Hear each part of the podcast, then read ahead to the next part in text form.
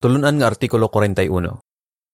Ini nga artikulo pagatunan sa semana sa Desembre 5 hasta 11.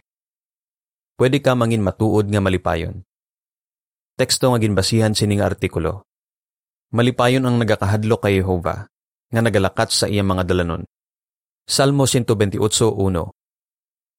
Ambahanon 110 Magkalipay kay Jehova. Ang binagbinagon sa sining artikulo. Para sa madamong nga tao, mabudlay mangin matuod nga malipayon. Nga, abi nila mangin malipayon sila kon permi sila nagalingaw-lingaw.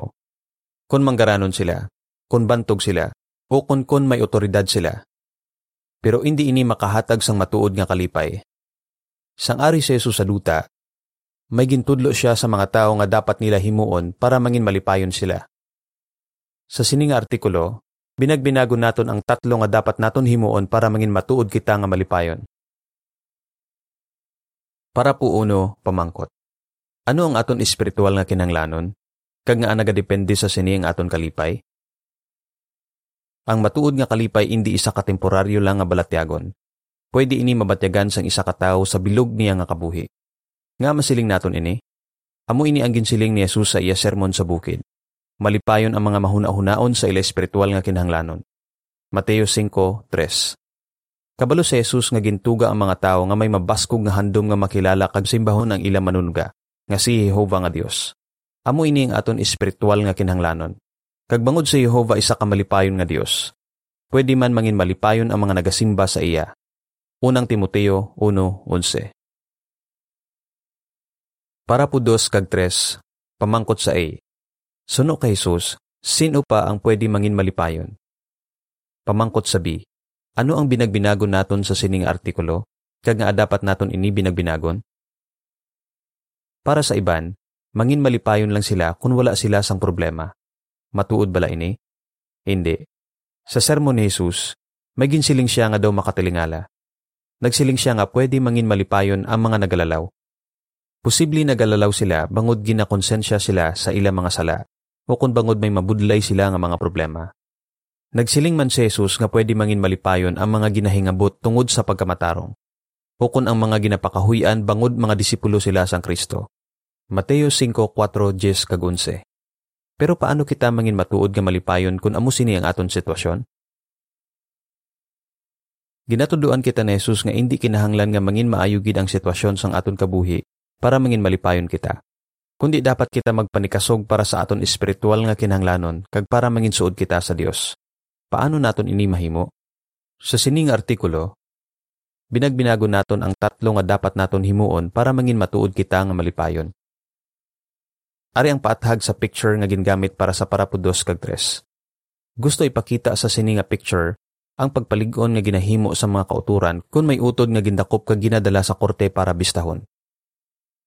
Ang caption sini nga picture nagasiling, malipayon ang mga ginahingabot tungod sa pagkamatarong.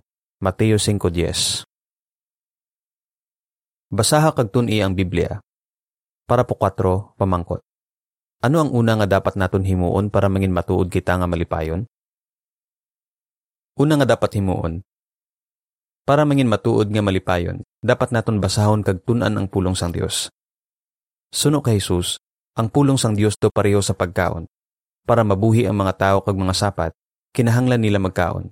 Pero ang mga tao lang ang may kasara nga basahon ang pulong sang Dios kag dapat nila inihimoon. Amo ini ang rason kung nga nagsiling si Jesus. Ang tao hindi sa tinapay lamang mabuhi kundi sa tag sa kapulong nga nagagwa sa baba ni Jehova. Mateo 4.4 Gani, hindi naton dapat pagpaligaron ang isa kaadlaw nga wala naton mabasa ang hamili nga pulong sang Dios, ang Biblia. Ang salmista nagsiling, Malipayon ang tao nga nagakalipay sa kasuguan ni Jehova kag nagabasa sini sa mahinay nga tingog adlaw kagabi. Ang Salmo 1.1 hasta 3 nagasiling, Malipayon ang tao nga wala nagasunod sa laygay sang malauton, kag wala nagaupod sa mga makasasala, kag wala nagapungko upod sa mga nagapangyaguta. Kundi nagakalipay siya sa kasuguan ni Jehova, kag ginabasa niya sa mahinay nga tingog ang iya kasuguan adlaw kagabi. Mangin kaangay siya sang kahoy nga gintanom sa higad sang sapa, isa ka kahoy nga nagapamunga suno sa panahon sini. Ang mga dahon sini wala nagakalaya, kag ang tanan nga ginahimo niya magama dinalagon. Para po 5 kag 6 pamangkot sa A. ano ang natun-an naton sa Biblia? Pamangkot sabi, paano makabulig sa aton ang pagbasa sa Biblia? Bangod palangga kita ni Jehova, ginpakita niya sa aton sa Biblia kung ano ang dapat naton himuon para mangin malipayon kita. Natunan naton kung ano ang iya katuyuan para sa aton. Natunan naton kung paano kita mangin suod sa iya kag kung ano ang dapat naton himuon para patawaron niya kita. Kag natunan naton ang parte sa iya promesa nga dalayawon nga paglaom sa palaabuton. Nalipay gi kita sa sini nga mga kamaturan nga natunan naton sa Biblia. Kabalo kita nga madamo kita sang mabasa sa Biblia nga epektibo nga mga laygay para sa aton pagkabuhi. Kung sundo naton ini nga mga laygay, mangin malipayon kita. Kung nalayuhan ka sang buot bangod sa mga problema, dugangi ang imution nga ginagamit sa pagbasa sang pulong ni Yehova kag sa pagpamalandong sa sini. Nagsiling si Jesus, malipayon ang mga nagapamati sa pulong sang Dios kag nagatuman sini. Lucas 11.28 Para po siyete pamangkot.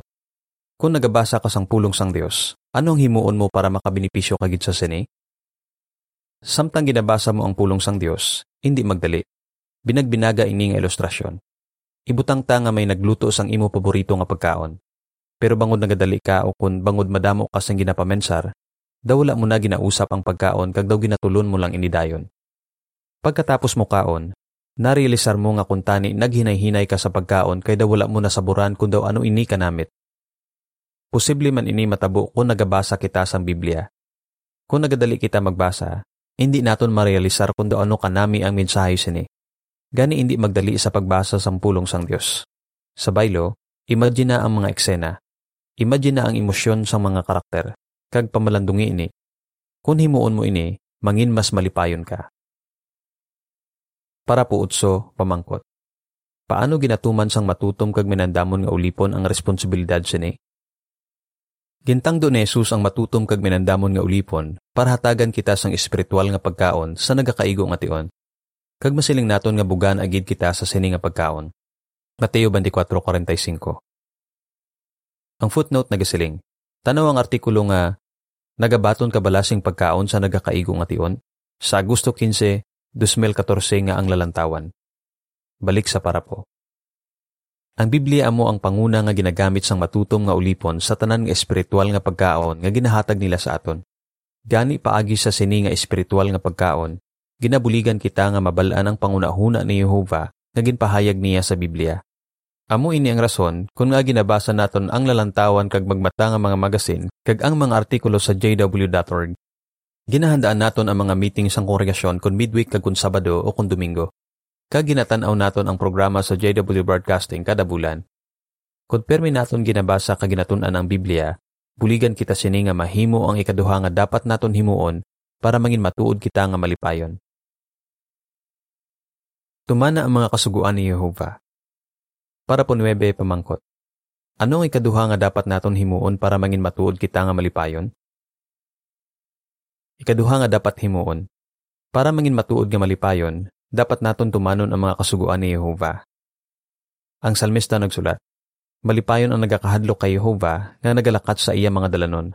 Salmo 128.1 Ang pagkahadlok kay Jehova nagakahulugan nga tudok gid ang aton pagtahod sa iya, gani wala naton ginahimo ang bisan ano nga makapaakig sa iya. Sa baylo, ginahimo naton ang aton bugos nga masarangan nga sundon ang mga kasuguan sang Dios parte sa husto kag sala nga mabasa sa Biblia. Kung himuon naton ang mga butang nga ginahigugma ni Jehova, kag sikwayo naton ang mga butang nga ginadumta niya, mangin malipayon kita. Para po Diyos pamangkot, suno sa Roma 12.2, ano ang dapat naton himuon? Ang Roma 12.2 nagasiling, Unta tinan ninyo ang pagpadihon sa mga dalanon sang katawhan sini nga sistema sa mga butang, kundi baguhan na ninyo ang inyo pangunahuna, agud mapamatud-an ninyo sa inyo kaugalingon kung ano ang maayo kag kalamutan kag himpit nga kabubuton sang Dios. Posible nga kabalo ang isa ka tawo nga may otoridad sa Jehova sa pagsiling kung ano ang husto kag sala. Pero dapat man tumanon sini nga tawo ang mga kasuguan sang Dios. Halimbawa, posible nga kabalo ang isa ka tawo nga may kinamatarong ang gobyerno nga magpatuman sang speed limit sa mga dalan. Pero posible nga hindi niya gusto nga tumanon ini Gani sobra sa ginapatuman nga speed limit ang pagpadalaga niya sang iya salakyan. Kung nagapatigid kita nga ang pagtuman sa mga kasuguan ni Jehova amo ang pinakamaayo nga himuon, dapat makita ini sa aton mga ginahimo. nagapatigid sa sini si David. Gani nagsiling siya kay Jehovah. Ginpakita mo sa akon ang banas sang kabuhi. Sa imo atubangan may tuman nga kasadya. Sa imo tuo nga kamot wala sing katapusan ang kalipay. Salmo 16:11. Para po 11 kag 12 pamangkot sa E. Kung may problema kita o kung nagaluya ang aton buot, sa ano kita dapat maghalong? Pamangkot sa B, paano makabulig ang Filipos 4.8 kung nagapili kita sang kalingawan? Kung may problema kita o kung nagaluya ang aton buot, posible mahuna-huna naton nga mas maayo kung tani kung maiban kita nga ginahimo para malingaw kita kag malipatan naton ang aton problema. Normal lang nga mahuna-huna naton ina. Pero dapat kita maghalong para hindi naton mahimo ang mga butang nga ginadumta ni Jehova. Sa sulat ni Apostol Pablo sa mga taga-Filipos, ginpaligo niya ang iya mga kauturan nga padayon nila nga hunahunaon ang mga butang nga matarong, matinlo, hiligugmaon kag maayo. Ang Filipos 4.8 nagasiling, Sa katapusan, mga kauturan, padayon ninyo nga hunahuna ang bisan ano nga butang nga matuod, seryoso, matarong, matinlo, hiligugmaon, dungganon, maayo kag dalayawon. Bisan pa hindi parte sa kalingawan ang ginapatuhuyan ni Pablo, dapat naton ini gamiton nga giya sa pagpili sang aton kalingawan. Tilawi nga busli sang tinaga nga kanta, pelikula, nobela o kon video game ang tinaga nga butang sa sini nga teksto. Kung himuon mo ini, mahangpan mo kung ano ang pwede kag kung ano ang hindi pwede sa pagtamod sang Dios. Gusto naton nga tumanon ang matarong nga mga kasuguan ni Jehova. Kung himuon naton ini, mangin matinlo ang aton konsensya.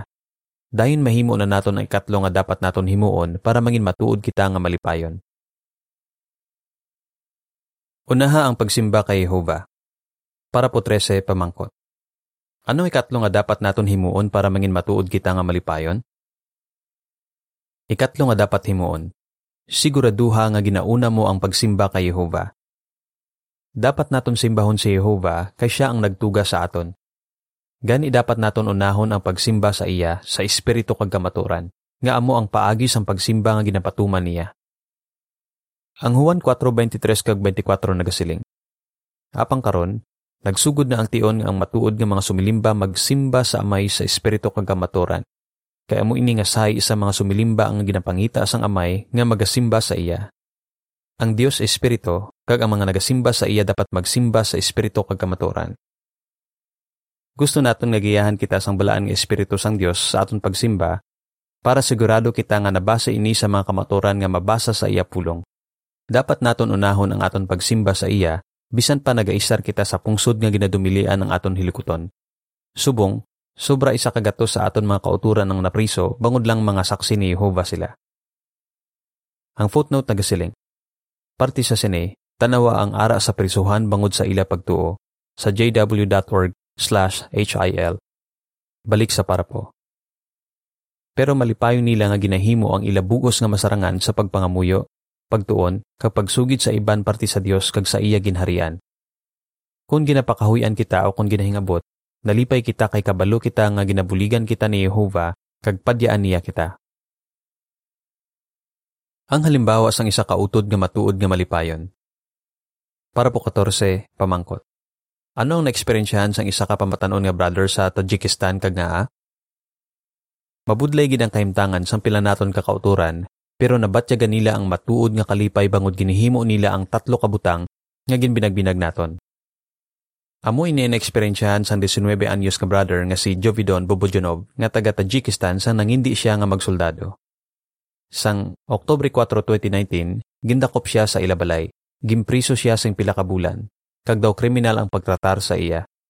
Ginreport sang mga media sa madamo nga pungsod ang indi maayo nga ginhimo sa iya. Suno sa mga report, ginkastigo siya para piliton siya nga magpanumpa sang oath of allegiance sa mga soldado kag para magsuksok sang ila uniforme. Pagkatapos ini, ginsentensyahan siya nga guilty kag impriso siya. Nakagwa lang siya sa prisuhan sa ginhatagan siya sing pardon sang presidente sang pungsod. Bisan pa sa sining tanan nga kabudlayan, Padayon nga nangin matutom si Jovidon kag wala nadula ang iya kalipay. Paano niya ini nahimo? Paagi sa pagunahuna permis ang iya espiritual nga kinahanglanon. Para po 15 pamangkot. Sang napriso si Jovidon, paano siya nakabasa kag nakatuon sang pulong sang Dios? Sang napriso si Jovidon, Padayon siya nga nagabasa kag nagatuon sang pulong sang Dios, bisan pa wala siya sang Biblia o kung sang aton mga publikasyon. Paano? Kung ginadulungan siya sang mga kauturan siyang pagkaon, ginasulat nila sa mga grocery bag ang mga teksto nga ara sa bukleta nga pag-usisa sa kasulatan adlaw-adlaw. Gani, mabasa niya ang Biblia kag mapamalandungan ini kada adlaw. Sang makagwa siya sa prisuhan, amo ini ang ginlaygay niya sa mga wala pa nakaagi sang grabe nga mga pagtilaw. Importante gid nga gamiton ninyo sing bugos ang inyong kahilwayan sa pagtuon sing dugang paparti kay Jehova pagi sa pagbasa sang iapulong kag sang aton mga publikasyon. Para po 16 pamangkot. Sa ano nagpuko si Jovidon? Gintuman sang aton utod nga si Jovidon ang mga kasuguan ni Jehova. Wala siya nagpukos sa sala nga mga handom kag wala siya naghimo sing malain. Sa baylo, nagpukos siya kay Jehova kag sa mga ginapabaluran niya. Nagadayaw gid siya sa mga tinugas sang Dios. Kada bugtaw niya kun aga, mabatayan niya ang huni sa mga pispis nga nagakanta. Kung gabi naman, ginatanaw niya ang bulan kag ang mga bituon. Nagsiling siya, Regalo ini halin kay Jehova nga nagapalipay kag nagapabakod sa akon. Kung ginapasalamatan naton ang tanan nga pisikal nga butang kag espiritual nga pagkaon nga ginahatag ni Jehova, mangin malipayon kita. Kag kung malipayon kita, mapaligon kita sini nga magbatas. Para po 17, pamangkot. Suno sa unang Pedro 1.6 kag 7, ano ang maeksperiensyahan sang isa kautod kung daw pareho kay Jovidon ang iya sitwasyon? Ginuna man ni Jovidon ang pagsimba kay Jehova. Kabalo siya nga importante gid nga mangin matutom siya sa matuod nga Dios. Nagsiling si Jesus, Si Jehova nga imo Dios ang dapat mo simbahon, kag siya lamang ang hatagan mo sing sagrado nga pagalagad. Lucas 4:8. Gusto sa mga komander sang militar kag sa mga soldado nga taliktan ni Jovidon ang iya relihiyon. Pero hugot siya nga nagapangamuyo kay Jehova adlaw kagabi nga buligan siya nga makabatas kag magpabilin nga matutom. Bisan pa sang indi maayo nga pagtatar kay Jovidon, wala gid siya nagkompromiso. May rason gid nga malipay si Jovidon. Nga, anti siya gindako, ging kastigo kag impriso, wala pa natilawan ang iya pagtuo. Pero subo nga natilawan na ang iya pagtuo, mas nagbakod pa gid ini.